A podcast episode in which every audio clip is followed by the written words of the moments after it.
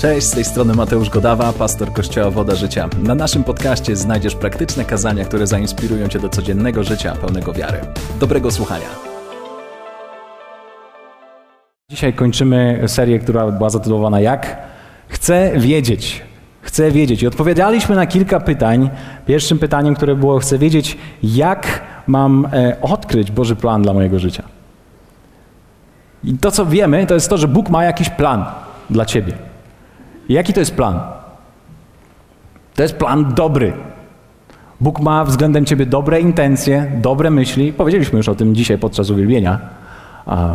Bóg nie ma żadnej negatywnej myśli na Twój temat. Kiedy On myśli o Twoim życiu, Jego intencje, Jego pragnienie w Twoją stronę jest takie: Ja chcę, żeby Ci się wiodło. Ja chcę, żeby Ci się powodziło. Ja chcę, żebyś miał pokój. Ja chcę, żebyś, żebyś czuł satysfakcję, kiedy się budzisz. Żebyś wiedział, że to życie nie jest tylko właśnie po to, żeby biegać, żeby tylko jeść, spać i się zestarzeć. Żebyś czuł satysfakcję każdego dnia. Bóg ma zupełnie nowy rodzaj dla nas życia. I to, I to są myśli o pokoju, a nie o niedoli. Powiedzmy razem o pokoju, a nie o niedoli. O pokoju, a nie o niedoli. No co powiedzieliśmy również to jest to, że Bóg ma plan dla ciebie. On zaprasza cię do zupełnie nowej rzeczywistości, ale ty i ja decydujemy, z jakimi ludźmi podróżujemy w tym całym życiu naszym. Dlatego, że to ma znaczenie, z kim podróżujesz, ponieważ człowiek, który jest w twoim życiu, nie chcę powiedzieć siedzi obok ciebie, bo będziesz się zaraz zastanawiał, albo cię przyciąga, albo odpycha od Bożego planu, który Bóg ma dla ciebie. Ale o tym też już powiedzieliśmy. W zeszłym tygodniu e, próbowaliśmy rozkminić, zrozumieć temat urazy. Bez względu na to, czy podróżujesz z tymi ludźmi, którzy wiesz, że są właściwi, czy tymi, którzy są negatywni i mają jakiś taki negatywny wpływ na twoje życie, e, będziemy się zmagać z tematem zranienia. Ponieważ człowiek to człowiek, człowiek rani, czy czasami chce celowo, czasami przez pomyłkę. Wielokrotnie przez pomyłkę i wielokrotnie celowo. Więc nigdy nie jesteś w stanie uniknąć zranienia ale jesteś w stanie żyć w przebaczeniu i być wolnym od urazy, która chce cię również wyprowadzić z Bożego planu. To będziemy mogli o sobie odsłuchać też. To wszystko jest dostępne dla nas online. E, a dzisiaj ostatnie pytanie, które, e, które zadaję e, i chcę zadać i dzisiaj mniej więcej troszeczkę nad nim rozprawimy. Mam nadzieję, że wejdziecie ze mną do tego pociągu i po prostu sobie pojedziemy na kilka przystanków. Co wy na to? zahaczymy może o Sianów, może o Białogard, może o kilka jakichś takich, o, może o Manowo, może o Łozice. E, zobaczymy, zobaczymy. Dzisiaj pojedziemy w kilka różnych miejsc e, właśnie w tym temacie, e, które, które chcę zadać. Chcę wiedzieć, jaka jest cena za życie w Bożym planie. Jaka jest cena za życie w Bożym planie? Ile to w ogóle kosztuje? Czy to w ogóle coś kosztuje? Czy pewnego dnia po prostu się obudzę i tak Bóg otworzy te wspaniałe drzwi, na przykład wyobraź sobie, zasypiasz w swoim, w swoim mieszkaniu, gdziekolwiek jesteś i pewnego dnia budzisz się jesteś w jakimś pałacu i twoje życie jest niesamowite. Czy to wygląda w ten sposób i nagle po prostu Bóg tak cię przetransponuje do tego życia, które ma dla ciebie, pełnego pokoju i tak dalej? Czy jest coś więcej? Jaka jest cena za życie w Bożym planie? Ja bym chciał wiedzieć czasami, ile coś kosztuje. Zauważyliście, że życie kosztuje nas? Żeby przyjechać do kościoła, musiałeś wydać parę złotych. Albo nie musiałeś wydać, bo wydał je ten ktoś, kto cię podwiózł do kościoła. W paliwie, tak? Życie kosztuje generalnie. Cokolwiek chcesz zrobić, to kosztuje. Jak ktoś mówi, krzyczy ci, że coś jest za darmo, to i tak wiadomo, że ktoś za coś płaci. Żebyś dostał za darmo, tak powiedzmy razem za darmo, to ktoś musi za to zapłacić. Może nie ty, ale ktoś. To znaczy, że, że wiecie, wiele rzeczy w życiu kosztuje. Ale zauważyłem, że czasami są takie, e, takie e, ceny, kwoty, e, miejsca, w którym, w którym jest to ukryte. Pragniesz czegoś, ale nie wiesz, że jest za tym jakaś cena. Kto z was kiedyś chciał nowy samochód? Lepszy niż ten, który masz. I udało ci się go w końcu kupić. Właśnie, czasami chcemy, czasami widzę różne samochody w tym mieście. W naszym mieście Koszalinie, słuchajcie, można znaleźć całą gamę samochodów. E, pod naprawdę takie ekstremalnie luksusowe. E, I wielu z nich, wiele z nich parkuje gdzieś tam zawsze w centrum, a ja sobie wtedy z pieskiem idę. E, staram się, żeby piesek nie zahaczył, nie podniósł nogi na te felgi, które kosztują tam z 20 tysięcy, kto wie, za jedną. W każdym bądź razie, wiecie, okazuje się, że czasami chcemy różnych rzeczy, ale są pewne ukryte koszty, ponieważ marzysz o samochodzie, Myślisz sobie, wow, taką furą to byłoby fajnie jeździć. No i co zrobisz? Wydajesz wszystkie swoje pieniądze, zaciągasz się u jednej mamy, u drugiej mamy, u trzech chwilówek, tak, żeby tylko wydobyć wszystko, żeby tą nową bryką pojeździć. Okazuje się, że siedzisz w samochodzie, teraz tak, trzeba jeszcze ubezpieczenie, trzeba jeszcze tam zatankować, po paru miesiącach trzeba zrobić jakiś przeglądzik, a trzeba wymienić klocuszki, a trzeba to wszystko. Są nagle ukryte koszty. Albo tak jak teraz, chcesz się przejechać do koło brzegu, stajesz na stacji i myślisz sobie 6,05. Ja nie wiem, czy ja dojadę. Bo są co? Bo są koszty. Z jednej strony masz, masz wizję, chcesz czegoś wspaniałego, ale jest jakiś ukryty koszt. Albo ktokolwiek z was kiedyś robił jakiś remoncik i tak nie, wie, wiele jest dzisiaj takich szkół. Dzisiaj remoncik można zrobić na taniutko. Najprostsze, najtańsze materiały. Kto z was kiedyś kupił najtańsze panele? Załóżmy, kupujesz najtańsze panele. Nic w nich złego nie jest. Wszystko można zrobić w dobrych cenach, ale kupujesz czasami najtańsze i myślisz sobie, wow, posłuży teraz na lata. Wycwaniłem się i wszystkich, wszystkich oszukałem, ponieważ wziąłem te najtańsze i najlepsze. Położyłeś te panele, przychodzi ktoś i rozlewa ci soczek. I nagle patrzysz, jak te panele tak w twoich oczach całe puchną. Wszystkie puchną, ponieważ są, najtańsze i okazuje się, że teraz co musisz zrobić? Musisz wydać dwa razy więcej, ponieważ był jakiś ukryty koszt w tym, że to było najtańsze. W zeszłym roku i ostatnie lata przed tym, jak mieliśmy e, naszego małego bobaska, e, Alice, zastanawialiśmy się, e, ile to kosztuje, żeby mieć dziecko. Co to kosztuje? Ktoś z Was kiedyś rozprawiał na takie, takie tematy? Myśmy się zastanawiali i pytaliśmy różnych ludzi. Niektórzy mówią, słuchaj, nie, no dziecko to jest naprawdę ekstra, wiesz, państwo to ci da 500 plus, dostaniesz tam od koszalina parę złotych jeszcze i w ogóle jak się będziesz starał, wypełnisz parę dokumentów, to nawet 1000 złotych dostaniesz. No niesamowite, można się prawie że dorobić. Niektórzy takie ekstremum doszli. Ale spotkałem kilku, kilku znajomych, którzy powiedzieli, wiesz co, no myśmy na dziecko to wydali tak około 15-20 tysięcy, y, tak ogólnie razem, wiesz, żeby się przygotować, bo to wózek, bo to łóżeczko, bo to wszystko y, rzeczy i tak dalej. I nagle okazuje się, że tak, chcesz pięknego, wspaniałego życia, ale jeszcze jest dużo tych okrytych kosztów. Tych okrytych kosztów. I tak patrząc na tą, na ten ma, moją małą tą Aliskę, tak patrzę sobie myślę, właśnie, ona kosztuje mnie wszystko w tej chwili. Wszystko. Wszystkie moje energii, energię, wszystkie moje siły, wszystkie moje drogocenne godziny snu. kosztuje mnie wszystko, ponieważ jest jakiś ukryty koszt. Ale wiecie, jaka jest cena za życie w Bożym planie? Czy, czy to, co Bóg ma dla nas i ten plan, o którym mówimy, który jest tak rewelacyjny i tak dobry i tak najlepszy dla ciebie, czy on coś kosztuje? Więc dzisiaj chcemy odpowiedzieć na tych kilka pytań. Mateusza 10:39 takie są bardzo znane słowa. Kto stara się zachować życie swoje, straci je. A kto straci życie swoje dla mnie, znajdzie je. To są słowa Jezusa. Kto stara się zachować życie, to słowo życie również odnosi się do oddechu, siły życiowej, która, którą reprezentuje jakby oddech, to, że oddychasz. Kto z Was oddycha dzisiaj jeszcze? Jeszcze chwileczkę. Nie jest tak źle, dzisiaj jest całkiem cieplutko. Udało nam się nagrzeć, słuchajcie, to jest dobrze.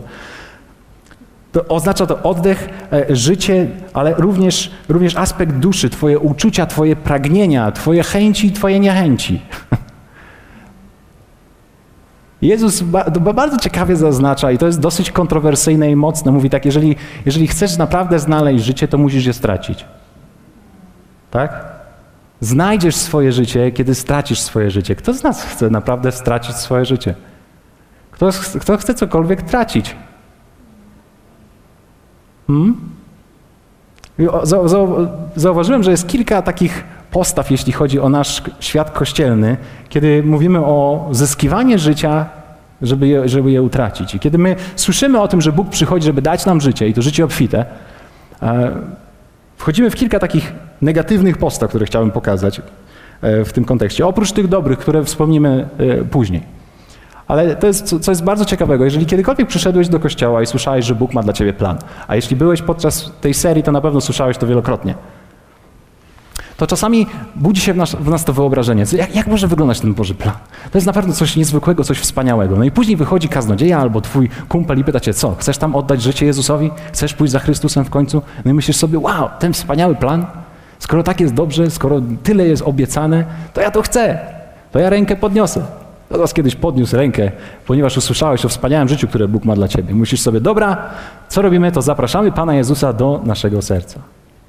Zapraszasz Pana Jezusa do swojego serca, jesteś pełny entuzjazmu, no i tak czas leci. Obserwujesz i się właśnie zastanawiasz, czy to spadnie, jak to przyjdzie, gdzie jest to życie. Na początku parę miesięcy, jak tak być może chodzisz do kościoła i dalej słyszysz o tym Bożym planie, to sobie myślisz, wow, naprawdę, to już jest zaraz, to już jest zaraz, to już zaraz mnie spotka.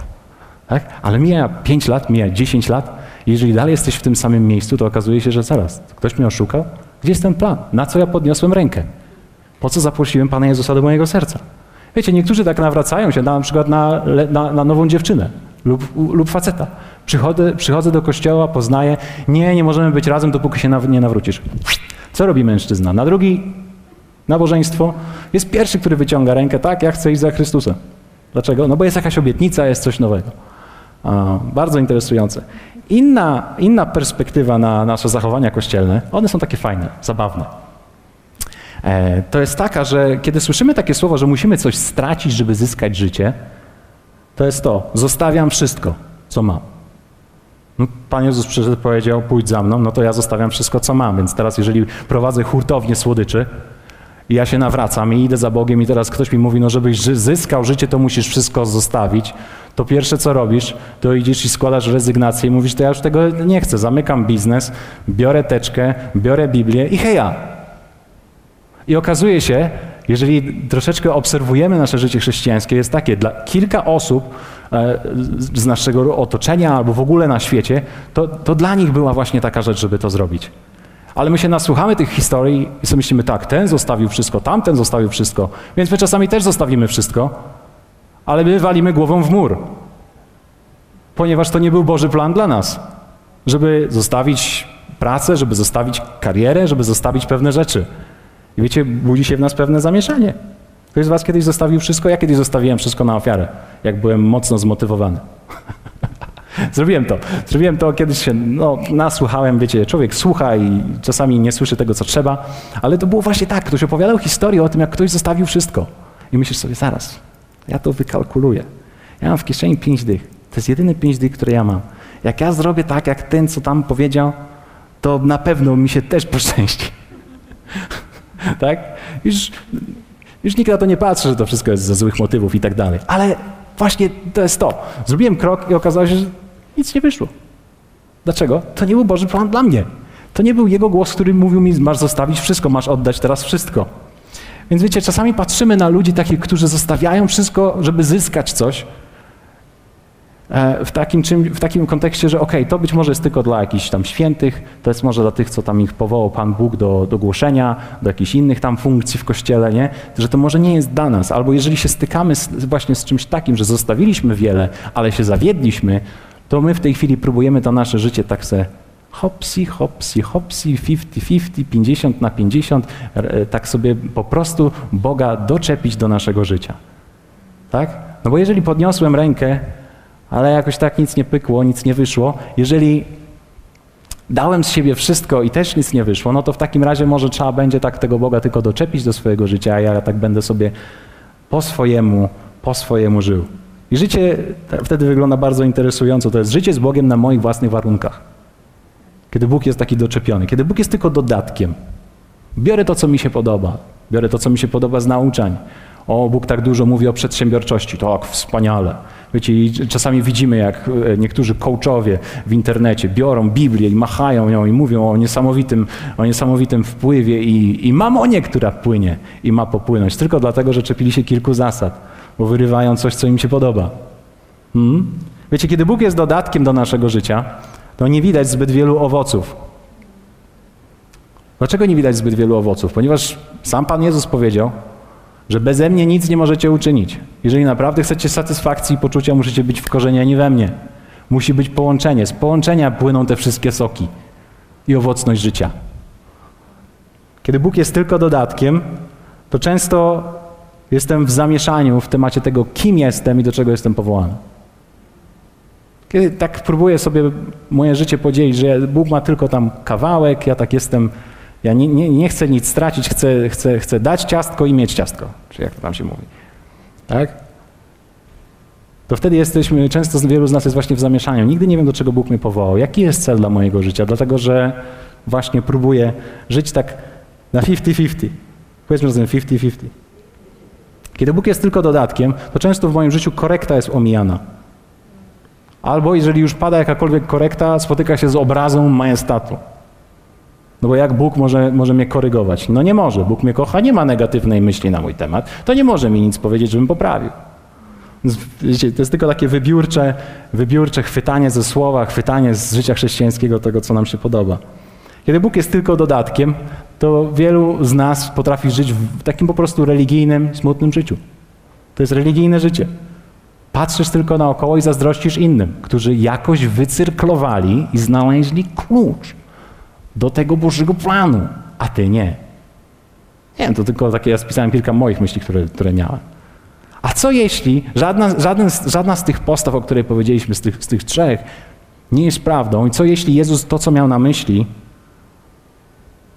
w tym, co powiedział, że kto stara się zachować życie swoje, straci, a kto straci życie swoje, dla mnie znajdzie. Co jeśli Jezus ma na myśli coś takiego? Że ceną za życie, które Bóg ma dla ciebie, jest życie, które trzymasz w swoich rękach.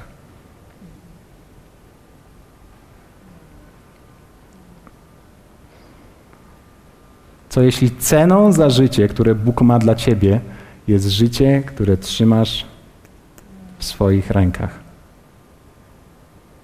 Co jeśli chodziło o to, żeby po prostu poddać Mu wszystkie aspekty naszego życia?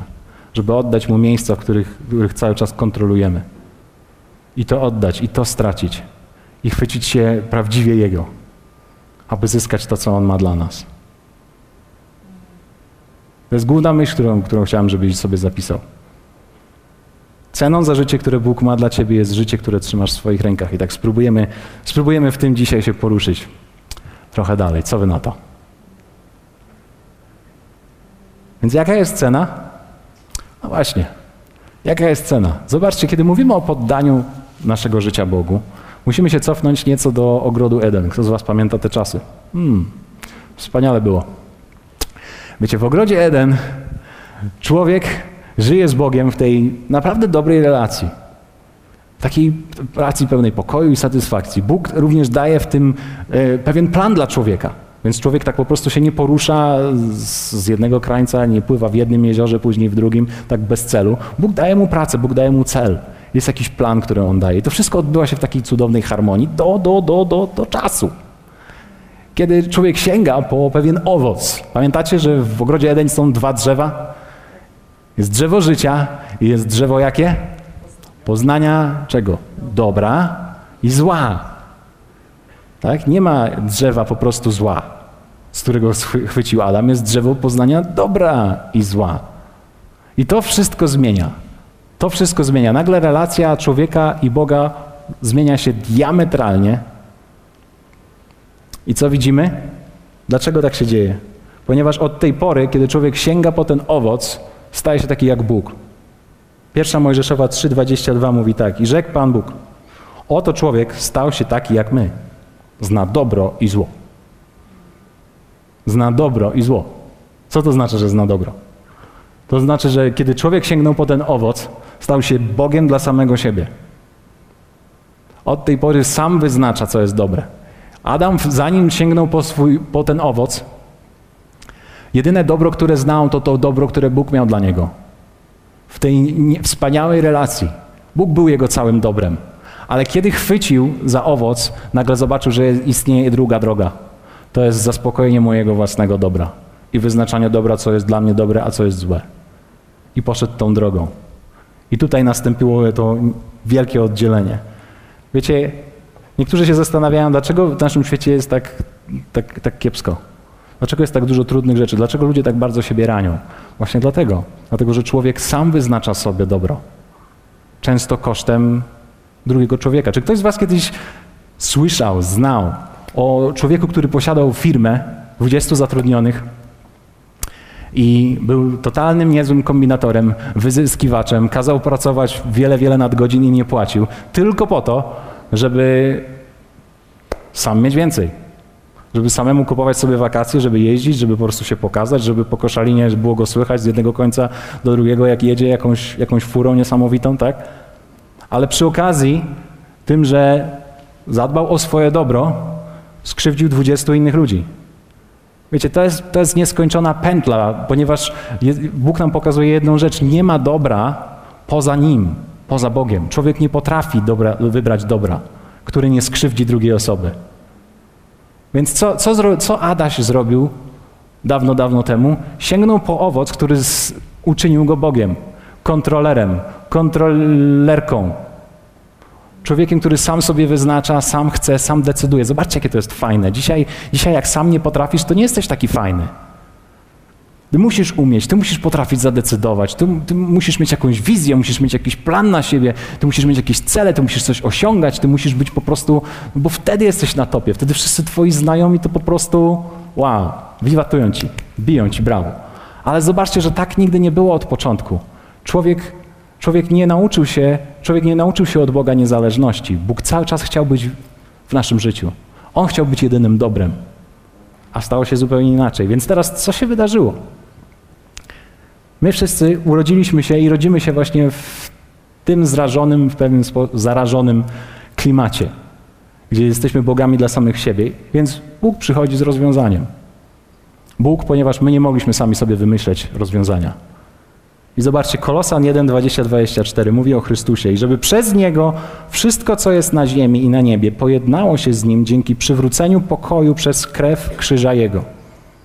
I was, czyli nas, którzy niegdyś byliście mu obcymi i wrogo usposobionymi, a uczynki wasze złe były, teraz pojednał w jego ziemskim ciele przez śmierć, aby was stawić przed obliczem swoim jako świętych i niepokalanych i nienagannych. Widzicie to? Werset 23 mówi tak: Jeśli tylko wytrwacie w wierze, ugruntowani i stali i nie zachwiejecie się w nadziei opartej na Ewangelii, którą usłyszeliście, która jest zwiastowana wszelkiemu stworzeniu pod niebem, a której ja, Paweł, czyli apostoł Paweł, zostałem sługą. Więc teraz my wszyscy zaczynamy w chorym systemie, w którym ty i ja jesteśmy bogami dla samych siebie, ale Jezus przychodzi z rozwiązaniem, mówi: OK, ja was wyrwę z tej beznadziei. Ja kładę swoje życie, ja was odkupuję, ja, go, ja was wykupuję swoją świętą krwią, kładę siebie całe swoje życie, daję 100%, nie 50%, nie 50-50. Jezus przychodzi i mówi: Ja daję całe swoje 100% po to, żeby was przywrócić do rzeczywistości, w której Bóg może być realny i jeszcze bardziej realny, w której możecie być oddaleni od swoich dobrych wyborów, które ciągną was do śmierci. Więc teraz Jezus kładzie swoje życie za moje i za Twoje życie, aby nas wyrwać spod bycia tyranem dla, dla samego siebie. 1 Koryntian 6,20 mówi tak: Zobaczcie, drogoście bowiem kupieni. A jakaś cena została zapłacona. Drogoście bowiem kupieni, wysławiajcie tedy Boga w ciele waszym. Wiele się mówi na tym, że Ewangelia jest, jest, jest za darmo. Czasami używa się tego w niewłaściwym kontekście. Tylko dlatego, że ktoś nie rozumie, że ktoś musiał zapłacić 100% swojego życia, aby wykupić ciebie i mnie. Abyś mógł stać się na nowo człowiekiem, który jest blisko Boga. Jezus Chrystus musiał umrzeć i teraz jedyne co, i zmartwychwstać, tak? i teraz jedyne co stoi po twojej i mojej stronie to jest przyjąć to, co Chrystus zrobił dla mnie i dla ciebie. Jak my to przyjmujemy? Rzymian 10:9, pamiętacie? Bo jeśli ustami swoimi wyznasz, że Jezus jest Panem i uwierzysz w sercu swoim, że Bóg wzbudził go z martwych, zbawiony będziesz. Wiecie, nie wiem, czy to tylko my Polacy tak mamy, albo może w ogóle ludzie. Czasami jak ktoś usłyszy jakąś formułę, to powtarza ją, tą formułę i myśli, że w formule jest życie, ale zapomniał o co chodzi w tej formule. Tak czasami bywa, kiedy my słyszymy o, o, tym wspaniałym życiu, które Bóg ma dla nas i później ktoś nam mówi, bo jeśli ustami swoimi wyznasz, to idąc o, o, o, krok za daleko, po prostu wypowiadamy formułę, ale w formule zobaczcie, co, co, co, jaki przekaz jest ukryty. Bo jeśli ustami swoimi wyznasz, że Jezus jest Panem, ty i ja musimy dojść do miejsca i to jest właśnie wymiana panowania. Dochodzi do wymiany panowania w naszym życiu. Kiedy ty spotykasz się z Bogiem i, wie, i wierzysz w Niego, pojawia się wiara w twoim sercu i wyznajesz Jego swoim Panem i Zbawicielem, wtedy dochodzi do wymiany panowania, ponieważ słowo Pan to oznacza najwyższy autorytet. Zobaczcie, właściciel, ten, do którego należy osoba lub rzecz, o której ma prawo decydować. Widzicie to? Kiedy ty wyznajesz Jezusa jako swojego Pana, to, to nie jest formuła. Ty nagle mówisz, Panie, całe życie byłem moim własnym właścicielem, decydowałem, co chciałem, robiłem, co chciałem, żyłem jak se chciałem, planowałem, jak sobie chciałem i generalnie cieszyłem się swoją własną wolnością. Ale to wszystko prowadzi mnie do śmierci. Dzisiaj przychodzę do Ciebie i ja poproszę Cię, abyś Ty był moim Panem i pokazał mi to, to życie, które masz dla mnie. To oznacza, że ja odpuszczam. To oznacza, że ja moje życie z moich rąk wypuszczam i daję w Twoje ręce, ponieważ rozumiem, że Ty położyłeś swoje 100%, więc teraz ja daję swoje 20, 25, 3%, moje 100%. Moje 100%. Mój tato kiedyś powiedział, że znalezienie Zbawiciela otwiera drogę ku życiu, ale niekoniecznie musi przynieść owoc życia. Hmm? Że w tym jest wielka mądrość. Wielu z nas doświadcza, doświadcza spotkania z Bogiem, spotykamy Zbawiciela, osobę, która oczyszcza nas z grzechów. I to jest jakby to jest wstęp, to jest początek naszego życia. Ale to jeszcze nie wiąże się z owocami, które przychodzą, ponieważ owoce są ukryte w tym, że Ty i ja potrafimy oddać nasze życie dobrowolnie Jemu. Każdą, każdą cząstkę naszego życia. I okazuje się, że zobaczcie, to jest bardzo ciekawe, już o tym powiedzieliśmy, ale z Bogiem, zaraz, zaraz dojdziemy do kilku praktycznych rzeczy, ale z Bogiem jesteś albo poddany Jemu, albo jesteś buntownikiem. Zobaczcie, Mateusza 6,24 mówi o tym. Nikt nie może dwóm panom służyć. Gdyż albo jednego nienawidzić będzie, a drugiego miłować. Albo jednego trzymać się będzie, a drugim pogardzi. Nie da rady, żeby dwóch panów panowało w Twoim życiu. A o tym cały czas mówimy. Że ceną za życie, które Bóg ma dla mnie i dla Ciebie, jest życie, które trzymamy w swoich rękach. To są miejsca, w których cały czas chcemy kontrolować i panować. Nie dawać mu dostępu. Więc albo, albo oddajesz swoje życie Bogu, albo jesteś buntownikiem. Albo żyjesz na 100%, albo na zero. Albo jesteś zimny, albo gorący. Czarno albo białe, zero albo jeden. Nie ma opcji. Marka 8:34. Jeśli kto, Jezus mówi tak, jeśli kto chce iść, chce pójść za mną, niech się zaprze samego siebie. Niech się zaprze samego siebie. Zobaczcie, zaprzeć się samego siebie, potwierdzić, że nie ma się związku ze sobą, znajomości, zapomnieć o sobie samym, przestać patrzeć na siebie i zważać na swój własny interes. To jest bardzo radykalne stwierdzenie. Wiecie, Ewangelia naprawdę jest radykalna i jest dla kilku szalonych ludzi. Jest dostępna dla wszystkich, ale kilku szalonych naprawdę są, jest w stanie oddać całe swoje życie zapomnieć o sobie samym i oddać się Bogu. Więc jaka jest cena za życie w Bożym planie? Jaka jest, jaka jest cena za życie w Bożym planie? Co jeśli ceną za życie, które Bóg ma dla ciebie, jest życie, które ty trzymasz w swoich rękach? Chciałbym, żebyś dzisiaj popatrzył na tą perspektywę tego, że Bóg ma naprawdę dobry plan. Ten plan to jest plan o kompletności, o pokoju, o pełnej satysfakcji, już o tym mówiliśmy. Ale do tego nie dojdzie, kiedy będziesz trzymał wszystko w swoim ręku. Musi dojść do transakcji, wymiana panowania. Ty schodzisz stroną, Bóg wchodzi na tron. Hmm? Więc mając dzisiaj tą perspektywę, ty i ja zrobimy kilka rzeczy i zobaczymy kilka obszarów. Mam nadzieję, że jeszcze mamy kilka minut. Zobaczymy kilka obszarów, gdzie musimy dać Bogu panować. Dać Bogu to miejsce, gdzie, gdzie On może zadziałać. Gdzie my musimy odpuścić i wpuścić Jego. Co wy na to? Ktoś z Was dalej ma przed sobą perspektywę tego, że chce żyć w Bożym planie? Kto z nas nie chce? My wszyscy chcemy. Dlatego teraz spinamy się i zobaczcie, zapłacona została najwyższa cena, więc teraz my chętnie i dobrowolnie oddajemy całe swoje życie. I teraz w kilku szczegółach zrobimy to. Co wy na to? W Koryntian jest również napisane coś takiego. Apostoł Paweł mówi w ten sposób: Zobaczcie, a każdy zawodnik od wszystkiego się wstrzymuje. Tamci wprawdzie, aby znikomy zdobyć wieniec, my zaś znikome. Okazuje się, że nagle ty i ja jesteśmy doprowadzeni do, do, do miejsca wyboru, aby nasze życie w pewien sposób ograniczyć. ograniczyć dla samych siebie i dać mu pełny dostęp.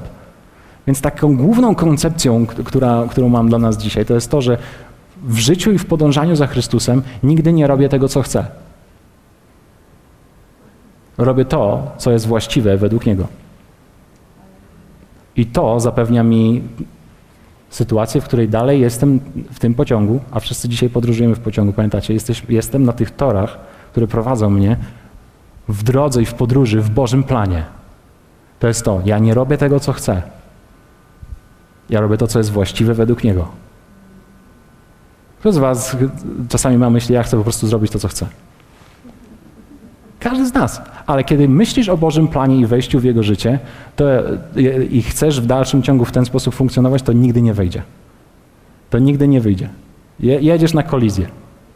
Jedziesz na kolizję, niczego nie doświadczysz, ponieważ nie robimy tego, co chcemy, ale to, co jest właściwe według Boga, wobec Niego. Więc jest kilka obszarów, które Ty i ja musimy poddać Jemu. Tak praktycznie, tak, e, tak po prostu musimy o nich powiedzieć i, i zobaczymy, do czego nas to doprowadzi, do której miejscowości, do której miejscowości w Twoim serduchu nas to doprowadzi. Więc jaki jest jeden z pierwszych obszarów, który Ty i ja musimy poddać Jemu? Oddać Jemu z naszych rąk. To jedno, jeden z obszarów to jest moje ciało. Powiedzmy razem moje ciało. Możesz się poklepać teraz po brzuszku, zobaczyć, czy masz dalej ciało. Może burczy. Nie klep swojego sąsiada, nie wiesz, kto jest, siedzi obok, może ci odda. To jest moje ciało. Zobaczcie, pierwszy Koryntian pisze w ten sposób. Czy nie wiecie, że świątynią Bożą jesteście i że Duch Boży mieszka w was? Jeśli ktoś niszczy świątynię Bożą, tego zniszczy Bóg, albowiem świątynią Bożą Boża jest święta, a wy nią jesteście. Kiedy idziemy za Chrystusem, zapominamy o sobie samym i nie dajemy sobie prawa do swojego ciała. O, o, ciele, tak, o ciele w kościele tak się rzadko mówi, prawda? No bo, no bo co, ktoś ci będzie mówił, no idź na siłownię, weź jedz lepiej i tak dalej. Ale wiecie, że dostałeś ciało od Boga, które nie, do którego, które nie należy do ciebie? Nie, nie, to jakiś, co to jest, co to jest? No dokładnie właśnie to jest to, że kiedy idziesz za Chrystusem, wszystkie aspekty Twojego życia są poddane Jemu, więc Twoje ciało nie należy do Ciebie. Więc nagle okazuje się, że to, co jesz, ma znaczenie. To, ile śpisz, ma znaczenie. Ja ostatnio byłem bardzo sfrustrowany. Moja żona może potwierdzić. A, a frustracja to tak grzecznie nazwany gniew. Moja żona może potwierdzić. Ale dlaczego? Bo mało spałem. Bardzo mało spałem, teraz się przetrenowałem troszeczkę, to już, już tak się przegryzłem w tej nowej sytuacji naszej. Ale to jest bardzo ciekawe, jak nagle reaguje twoje ciało, jak w ogóle jesteś, jesteś bardzo interesująco nastawionym do życia, kiedy nie śpisz. Kiedy, a wyobraźmy sobie sytuację, albo twoja jest taka sytuacja, ty już nie śpisz od iluś tam miesięcy albo tygodni. Bo się zacharowujesz, bo się zajeżdżasz, bo jest tyle do zrobienia, bo trzeba, bo trzeba i tak dalej, i tak dalej. Twoje ciało. Dostałeś ciało, które jest świątynią, ono ma ci służyć i ma służyć innym. O nią trzeba zadbać. O nią trzeba zadbać. Aktywność jakakolwiek. Aktywność jakakolwiek. Ja z tym mam chyba jeszcze najbardziej, naj, naj, najtrudniej mi z aktywnością. Na razie, ale o tym porozmawiam z żoną później. Odpoczynek. Odpoczynek. Twoje ciało potrzebuje odpoczynku. Ojej, no co odpoczynku? Tak, potrzebuje jakiegoś relaksu. Potrzebuje się odprężyć, potrzebuje się odstresować. Wiecie, okazuje się, że my kręcimy nasze organizmy do maksimum cały czas, bo taki pęd jest, bo tak trzeba, prawda? Ale masz tylko jedno ciało, masz tylko jedno życie i Bóg chce, żebyś się o nie zatroszczył. Ja wiem, że może lubisz polewać wszystko wielkimi, wspaniałymi, tłustymi sosami. Ale są wspaniałe, one tak się błyszczą i świecą. Ale sprawdzałeś kiedyś skład? Wiecie, okazuje się, że my, po, kiedy, kiedy autorzy pisali Biblię, wtedy jedzenie było na zupełnie innym poziomie niż dzisiaj. Nikt o tym wtedy tak za bardzo szczegółowo nie wspominał. Ale dzisiaj mamy tyle chemii, mamy tyle rzeczy, że naprawdę aż szkoda patrzeć, jak, jak każdego roku, dobra, nie każdego, jak co jakiś czas odchodzi ktoś za szybko ze względu na styl życia, który prowadził, a mógł być dalej narzędziem w rękach Boga. Więc po prostu zwróć na, na, na to uwagę, ponieważ Twoje ciało nie należy do Ciebie. Ono jest świątynią, a świątynia musi być wysprzątana, musi być czyściutka, musi błyszczeć, musi funkcjonować. Musi funkcjonować jak najdłużej. E, nie ma to znaczenia, Bóg mo może użyć każdego. No pewnie, że Bóg może użyć każdego. Bóg użył osła nawet, jak chciał. Ale osioł był żywy. Ty też bądź żywy. Zadbaj o siebie. Zadbaj o siebie. Więc moje ciało. O czym mówimy? Pamiętacie, o czym mówimy? Czy już zapomnieliście? Że ceną za życie, które Bóg ma dla ciebie, jest życie, które trzymasz w swoich rękach. Więc poddajemy nasze ciało, poddajemy nasz umysł, naszą głowę. Nasz umysł, naszą głowę. To jest jeden w sumie z moich ulubionych tematów. Rzymian 12:2. A nie upadabniajcie się do tego świata, ale się przemieńcie przez odnowienie umysłu swego, abyście umieli rozróżnić, zobaczcie, co jest wolą Bożą, czego Bóg chce. Jak nie wiesz, czego Bóg chce, to znaczy, że jeszcze nie odmieniłeś, nie przemieniłeś swojego myślenia na tyle, żeby to poznać. Ponieważ dokładnie ten fragment mówi, że przemiana umysłu, czyli wypełnienie moich myśli Bożymi myślami, a nie po prostu jestem pozytywny, jestem pozytywny, jestem pozytywny, jestem pozytywny. Tak? Nie, to nie o to chodzi, tylko że ja przemieniam swoje myślenie, ja wypełniam się tym, co Bóg myśli na dany temat. I wtedy, kiedy ja chwytam Jego myśli, które są spisane w obfity sposób tutaj, ja mam, zaczynam mieć zupełnie inną perspektywę i zaczynam rozumieć, jaka jest wola, bo, bo, Boża wola, wola Boża, Boża wola dla mojego życia. Tak? Chodzi o to, że Boże myśli muszą stać się Twoimi. Twój umysł to nie, nie jest Twój ogródek Twój własny, więc nie traktuj go w ten sposób. Nie każda myśl ma prawo się tam zagościć. Czy wiesz o tym? Powinieneś badać to wszystko, o czym myślisz i co analizujesz. Zobaczcie, Filipian 4:8 mówi w ten sposób: W końcu, bracia, rozmyślajcie o tym, co prawdziwe, co szlachetne, co sprawiedliwe, co czyste, co miłe, godne polecenia, może uchodzić za wzór i zasługuje za uznanie. Myślcie o tych wspaniałych rzeczach. I teraz słowo rozmyślajcie to jest greckie słowo jakie? Logizomai, czyli uznać coś za fakt, zaakceptować nową rzeczywistość, że coś po prostu jest. Czyli nie zmieniamy myślenia przez zaprzeczenie, ale świadome postawienie nowego celu. Zaczynasz myśleć i analizować. Twoja głowa, Twoje ciało jest świątynią, Twój umysł ma być świątynią. Zauważyliście, jak łatwo nam przychodzi, żeby wpadać w jakieś deprechy i negatywne i czarnowictwo i w ogóle wszystko źle i cały świat idzie na, na spalenie i w ogóle moje życie jest do kitu, ja nic nie znaczę i tak dalej. To nam tak łatwo przychodzi. Praktycznie na to w ogóle energii nie, nie potrzeba. Ale weź tylko jedną rzecz, pozytywną jakąś uchwyć, którą Bóg myśli na twój temat. Boż, musisz modlić się na kolanach przez godzinę, żeby utrzymać tą jedną myśl. Na samym początku. Ponieważ kiedy praktykujesz, kiedy wypełniasz się Jego myślami, kiedy one są codzienne dla Ciebie, to nagle to zaczyna być coraz łatwiej, coraz łatwiej, coraz łatwiej. Kiedyś o tym powiedzieliśmy, że życie zmierza w kierunku naszych dominujących myśli. No właśnie, więc jeżeli Twoje dominujące myśli nie mają nic wspólnego z Bożym planem, nigdy nie dojdziesz do Bożego planu. tak? Ok? Moje pragnienia. To jest trzeci obszar, który sobie zapisałem moje pragnienia. Jeśli naprawdę chcę wejść i żyć w Bożym planie, moje pragnienia muszą być otwarte przed Bogiem Tago. Po prostu otwarte. Zauważyliście, że my zmierzamy w kierunku tego, czego chcemy w życiu i czego pragniemy naprawdę tak głęboko? Czego pragniesz? Wyobraź sobie, no, no, no czego naprawdę pragniesz? Twoje życie zmierza właśnie w tą stronę, Twoich największych pragnień. Jeżeli Twoim największym pragnieniem jest właśnie ten nowy samochód, Twoje życie będzie właśnie w tamtą stronę zmierzać. Twoje finanse będziesz tam odkładał, będziesz o tym myślał, tam będziesz podróżował w to, co chcesz. W Psalmie 37:4 jest napisane tak. Rozkoszuj się Panem, a da Ci, czego życzy sobie serce Twoje. Wiecie, że Bóg naprawdę chce nam dać tego, czego życzy sobie nasze serce? Tylko ten warunek jest tu postawiony. Najpierw się rozkoszuj Panem. E, to słowo rozkoszuj jest takie dziwne trochę, bo ono oznacza być miękkim, być giętkim, być delikatnym, a jeszcze inne tłumaczenie z niewieściałym.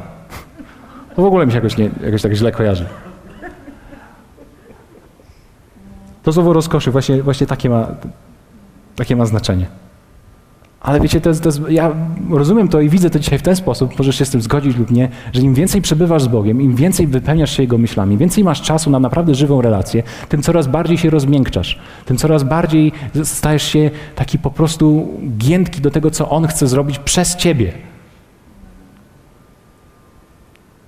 I nagle marzenia, które miałeś, które wszystkie były skupione na Tobie samym, na moim własnym dobru i tak dalej, nagle myślisz sobie zaraz – Bóg wcale nie jest taki zatroskany o samego siebie. On chce, żebym ja był dawcą. On chce, żebym był hojny. To jeżeli jego marzenie jest takie, żeby być hojnym wobec ludzi, to ja chcę takie marzenie. I zobaczcie, co jest napisane. Rozkoszuj się Panem, a da Ci, czego życzy sobie Twoje serce. Dlatego, że kiedy jesteś z Bogiem, wszystkie Twoje marzenia, wszystkie Twoje pragnienia zostają oczyszczone. Wtedy tam nie ma, nie ma, prawa, być na, nie ma prawa na żadne cielesne marzenia Twoje i, i fantazje. No. Tam się to nie odbywa, że twoje moim pragnieniem jest, o Panie, co ja bym nie chciał. Nie, nie, nie. Wtedy Jego pragnienia stają się Twoimi pragnieniami. Im więcej przebywasz z Bogiem, tym mniej pragniesz głupot, a zaczynasz troszczyć się o to, co On się troszczy. Więc moje pragnienia, one muszą być poddane, jeśli chcesz zmierzać w kierunku Bożego planu. Jeśli chcesz żyć w Bożym planie, Twoje pragnienia muszą, On musi mieć do nich dostęp. Musicie sobie to razem przeanalizować. Czwarte i piąte jest jeszcze. Może zrobimy te oba ale moje zasoby. To jest i kolejny obszar poddania tego, co, co ważne w moim życiu, czyli to, co posiadam. Co najcenniejszego dzisiaj posiadasz? Najcenniejszy jest prawdopodobnie czas. Masz czas, Bóg dał ci czas. Każdemu z nas tyka zegar. Szkoda, że nigdy nie wiadomo, ile nam zostało, tak na dobrą sprawę, ale każdy z nas ma zegar. Ty masz zegar, Bóg dał ci czas. On ci odlicza, pewnego dnia zegar się zatrzyma i my, każdy dzisiaj jak z nas dobrze wygląda i wspaniale, wszyscy znajdziemy się po drugiej stronie. Mam nadzieję, że na tej wielkiej, wielkiej imprezie w niebie. Ale słuchajcie, ty masz, dostałeś czas, masz zasoby i za każdym razem, kiedy Bóg patrzy na ciebie i mówisz mu, Panie, Ty jesteś moim Panem, to znaczy, że On chce również dostępu do Twojego czasu i do Twojego portfela, do tego wszystkiego, co posiadasz. Żebyś zaczął patrzeć na siebie, że to, co masz, Dostałeś po prostu w prezencie, ty tym zarządzasz, a tego nie posiadasz. To oznacza, że nie, ma, nie masz czasu na wszystko. To oznacza, że nie możesz kupować tego, co chcesz. Zawsze. To oznacza, że cały ten obszar posiadania musi być poddany Jemu. Musisz rozumieć, że otrzymałeś wszystko w prezencie. Nad niczym nie chcesz mieć kontroli, ponieważ całe życie już wcześniej miałeś kontrolę, ale już ją oddałeś. Więc teraz ty ją oddajesz, Bóg prowadzi cię w nową stronę. A to, co jest ciekawe, kiedy, kiedy oddajesz Bogu swoje zasoby, kiedy zaczynasz rozumieć, że On jest Panem, to ty się stajesz kim? Zarządcą. Jesteś zarządcą tego, co otrzymałeś. I to jest bardzo ciekawe, kiedy jesteś zarządcą i myślisz o swoim czasie i o swoich pieniądzach, to myśl jest taka, każdy zarządca nie myśli o wydawaniu i nie myśli o po prostu spędzaniu czasu. Zasób jest połączony z inwestycją. I to jest, to, to jest właśnie ciekawe, ponieważ każdy zarządca wie, że wszystko, co ma, musi przynieść jakiś owoc. Więc kiedy masz czas, to nie spędzasz sobie po prostu czasu. A, ja sobie spędzę czas, a ja sobie dzisiaj tak zmarnowałem czasu. Troszeczkę. No nie? Na Netflixie cały serial. Sezon. Jeden.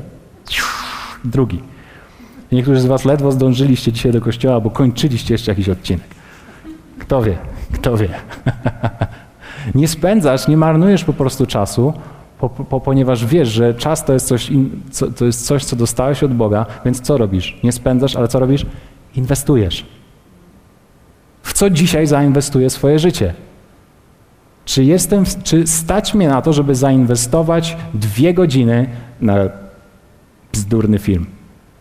Czy stać mnie, żeby zainwestować 30 złotych na tego hamburgera porządnego. Nagle okazuje się, że kiedy masz wydać po prostu, kiedy masz sobie tak, a pewnie, jasne, to mogę, ale czy to jest inwestycja? Czy to jest inwestycja? Czy to, co mam, przyniesie plon? Więc ty i ja musimy nauczyć się zamienić troszeczkę to myślenie na, na temat wydawania i spędzania na inwestycje. To, co dostałeś, inwestujesz. Myśl jak inwestor. Uciekamy dalej do ostatniego punktu. Zaraz skończymy. Więc mamy te kilka rzeczy, które wymieniliśmy, które poddajemy Bogu. To jest moje ciało, mój umysł, moje pragnienia, moje zasoby, Moja droga. Moja droga w życiu. Głównie to jest połączone z moimi decyzjami, ale moja droga. Zobaczcie, przypowieści Salomona 16:25 mówią w ten sposób: Nie jedna droga, albo inaczej kierunek życia, albo sposób działania zda, zdaje się człowiekowi prosta, lecz w końcu prowadzi do śmierci. Twoja i moja droga to jest właśnie poddanie obszaru związanego z decyzjami. Co jest dla mnie dzisiaj dobre, a co jest właściwe, ponieważ kiedy mówimy o mojej drodze i o Twojej drodze, a idziesz za Chrystusem, nie robisz tego, co chcesz, ale robisz to, co jest właściwe według Niego. Na, mamy największy problem właśnie z takimi wyborami. Co jest dobre, a co jest właściwe. Nie co jest dobre, co jest złe. Ty wiesz, co jest złe. Nie rób tego, tamtego, tamtego, bly, bly, bly, cała lista. Każdy wie, co jest złe. Ale jak wybrać pomiędzy właśnie tym, co jest dobre, a tym, co jest właściwe dla mnie? To tak jak wspomniałem wam o tym, o tym e, momencie, jak oddałem wszystko na ofiarę. Czy to było dobre? Nie, no szlachetne, dobre, no wow, super, no że w ogóle się na takie coś wziąłeś. Ale czy to było właściwe? W tamtym momencie nie, mogę to powiedzieć. Więc co jest dobre, a co jest właściwe? Musisz umieć poddać swoją drogę Jemu. Ponieważ tak jak, tak jak czytamy to i widzimy, nie żyjemy już dla samych siebie. Zobaczcie, chyba to czytaliśmy nawet dzisiaj na uwielbieniu, mi się wydaje. 2 Koryntian 5:15, a umarł za wszystkich, aby ci, którzy żyją, już nie dla samych siebie żyli. Czyli Jezus umiera dla, dla nas wszystkich, abyśmy nie dla samych siebie żyli, lecz dla tego, który za nich umarł i został wzbudzony. Znaczy, że Twoje życie, Twoje decyzje, Twoja droga, Twoja kariera zawodowa, to wszystko, to musi być absolutnie poddane Jemu. I wiecie, to co jest ciekawe, to jest to, że pisze o tym apostoł Paweł. Ponieważ apostoł Paweł do, do, doszedł do naprawdę niezwykłego momentu, w którym był, zanim stał się apostołem, był prześladowcą Kościoła. Wielu z was o tym wie, że zabijał chrześcijan e, i kościoły się go bały. Jak słyszały o, o, o, o Saulu, to po prostu ludzie aż drżeli, ponieważ wiedzieli, do czego on był zdolny. Ale pewnego dnia e, Saul wybierał się do Damaszku. Był w drodze do miejsca, w którym miał właśnie zająć się kolejnymi wierzącymi, dopaść ich, pozabijać, posądzić i tak. I wtedy czytamy o tym w dziejach apostolskich, że na jego drodze spotkał kogo? Chrystusa.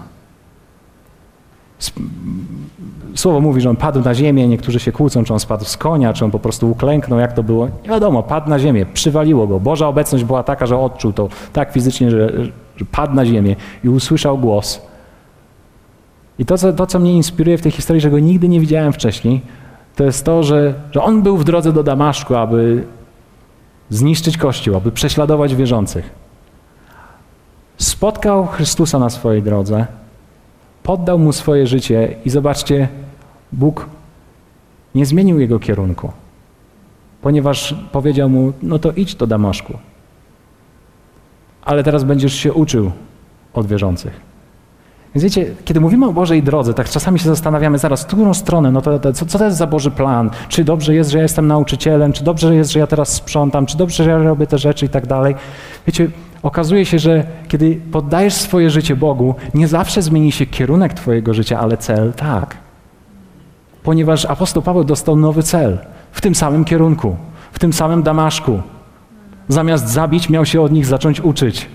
Więc teraz myślę sobie o tym że kiedy ty masz poddać życie Bogu dzisiaj i myślisz sobie zaraz, ja prowadzę firmę, to znaczy, że ja mam rezygnować, ja już mam pisać papier? Nie, nie pisz papieru. Nie rezygnuj.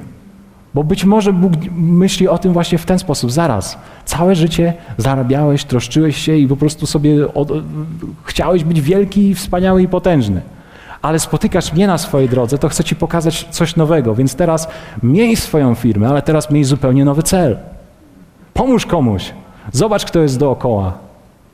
Zbuduj kilka sierocińców, albo jakąś szkołę, albo odnów komuś jakąś, jakąś łazienkę, cokolwiek. Dlaczego? Ponieważ możesz. Miej inny cel.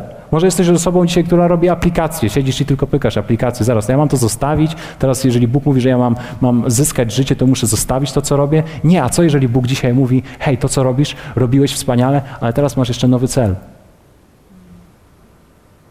Wiecie, spotkanie z Bogiem jest niesamowite. Czasami Nie, nie, niektórzy mamy różnego rodzaju pasje i marzenia. Nie, kto z was, nie wiem, maluje, rzeźbi, cokolwiek. Bóg nie mówi, zostaw to wszystko. Nie. Co jeżeli On dzisiaj mówi do ciebie po prostu, hej, mam dla ciebie nowy cel. Ja wiem, że kochasz to robić, jesteś niesamowity, niesamowita, ale masz nowy cel. Wyraź mnie przez swoje ręce, przez swój talent. Wiecie, że niektórzy ludzie zostawiają tak drogocenne rzeczy, które Bóg im dał, a później walą głową w mur i myślą, Boże, co za życie, co za życie, wszystko zostawiłem dla Ciebie. A Bóg tylko mówi zaraz, nie miałeś zostawiać wszystkiego, miałeś odkryć nowy cel, który mam w tym, kim jesteś. Co jeśli ceną za życie, które Bóg ma dla nas, jest życie, które dalej trzymamy w naszych rękach?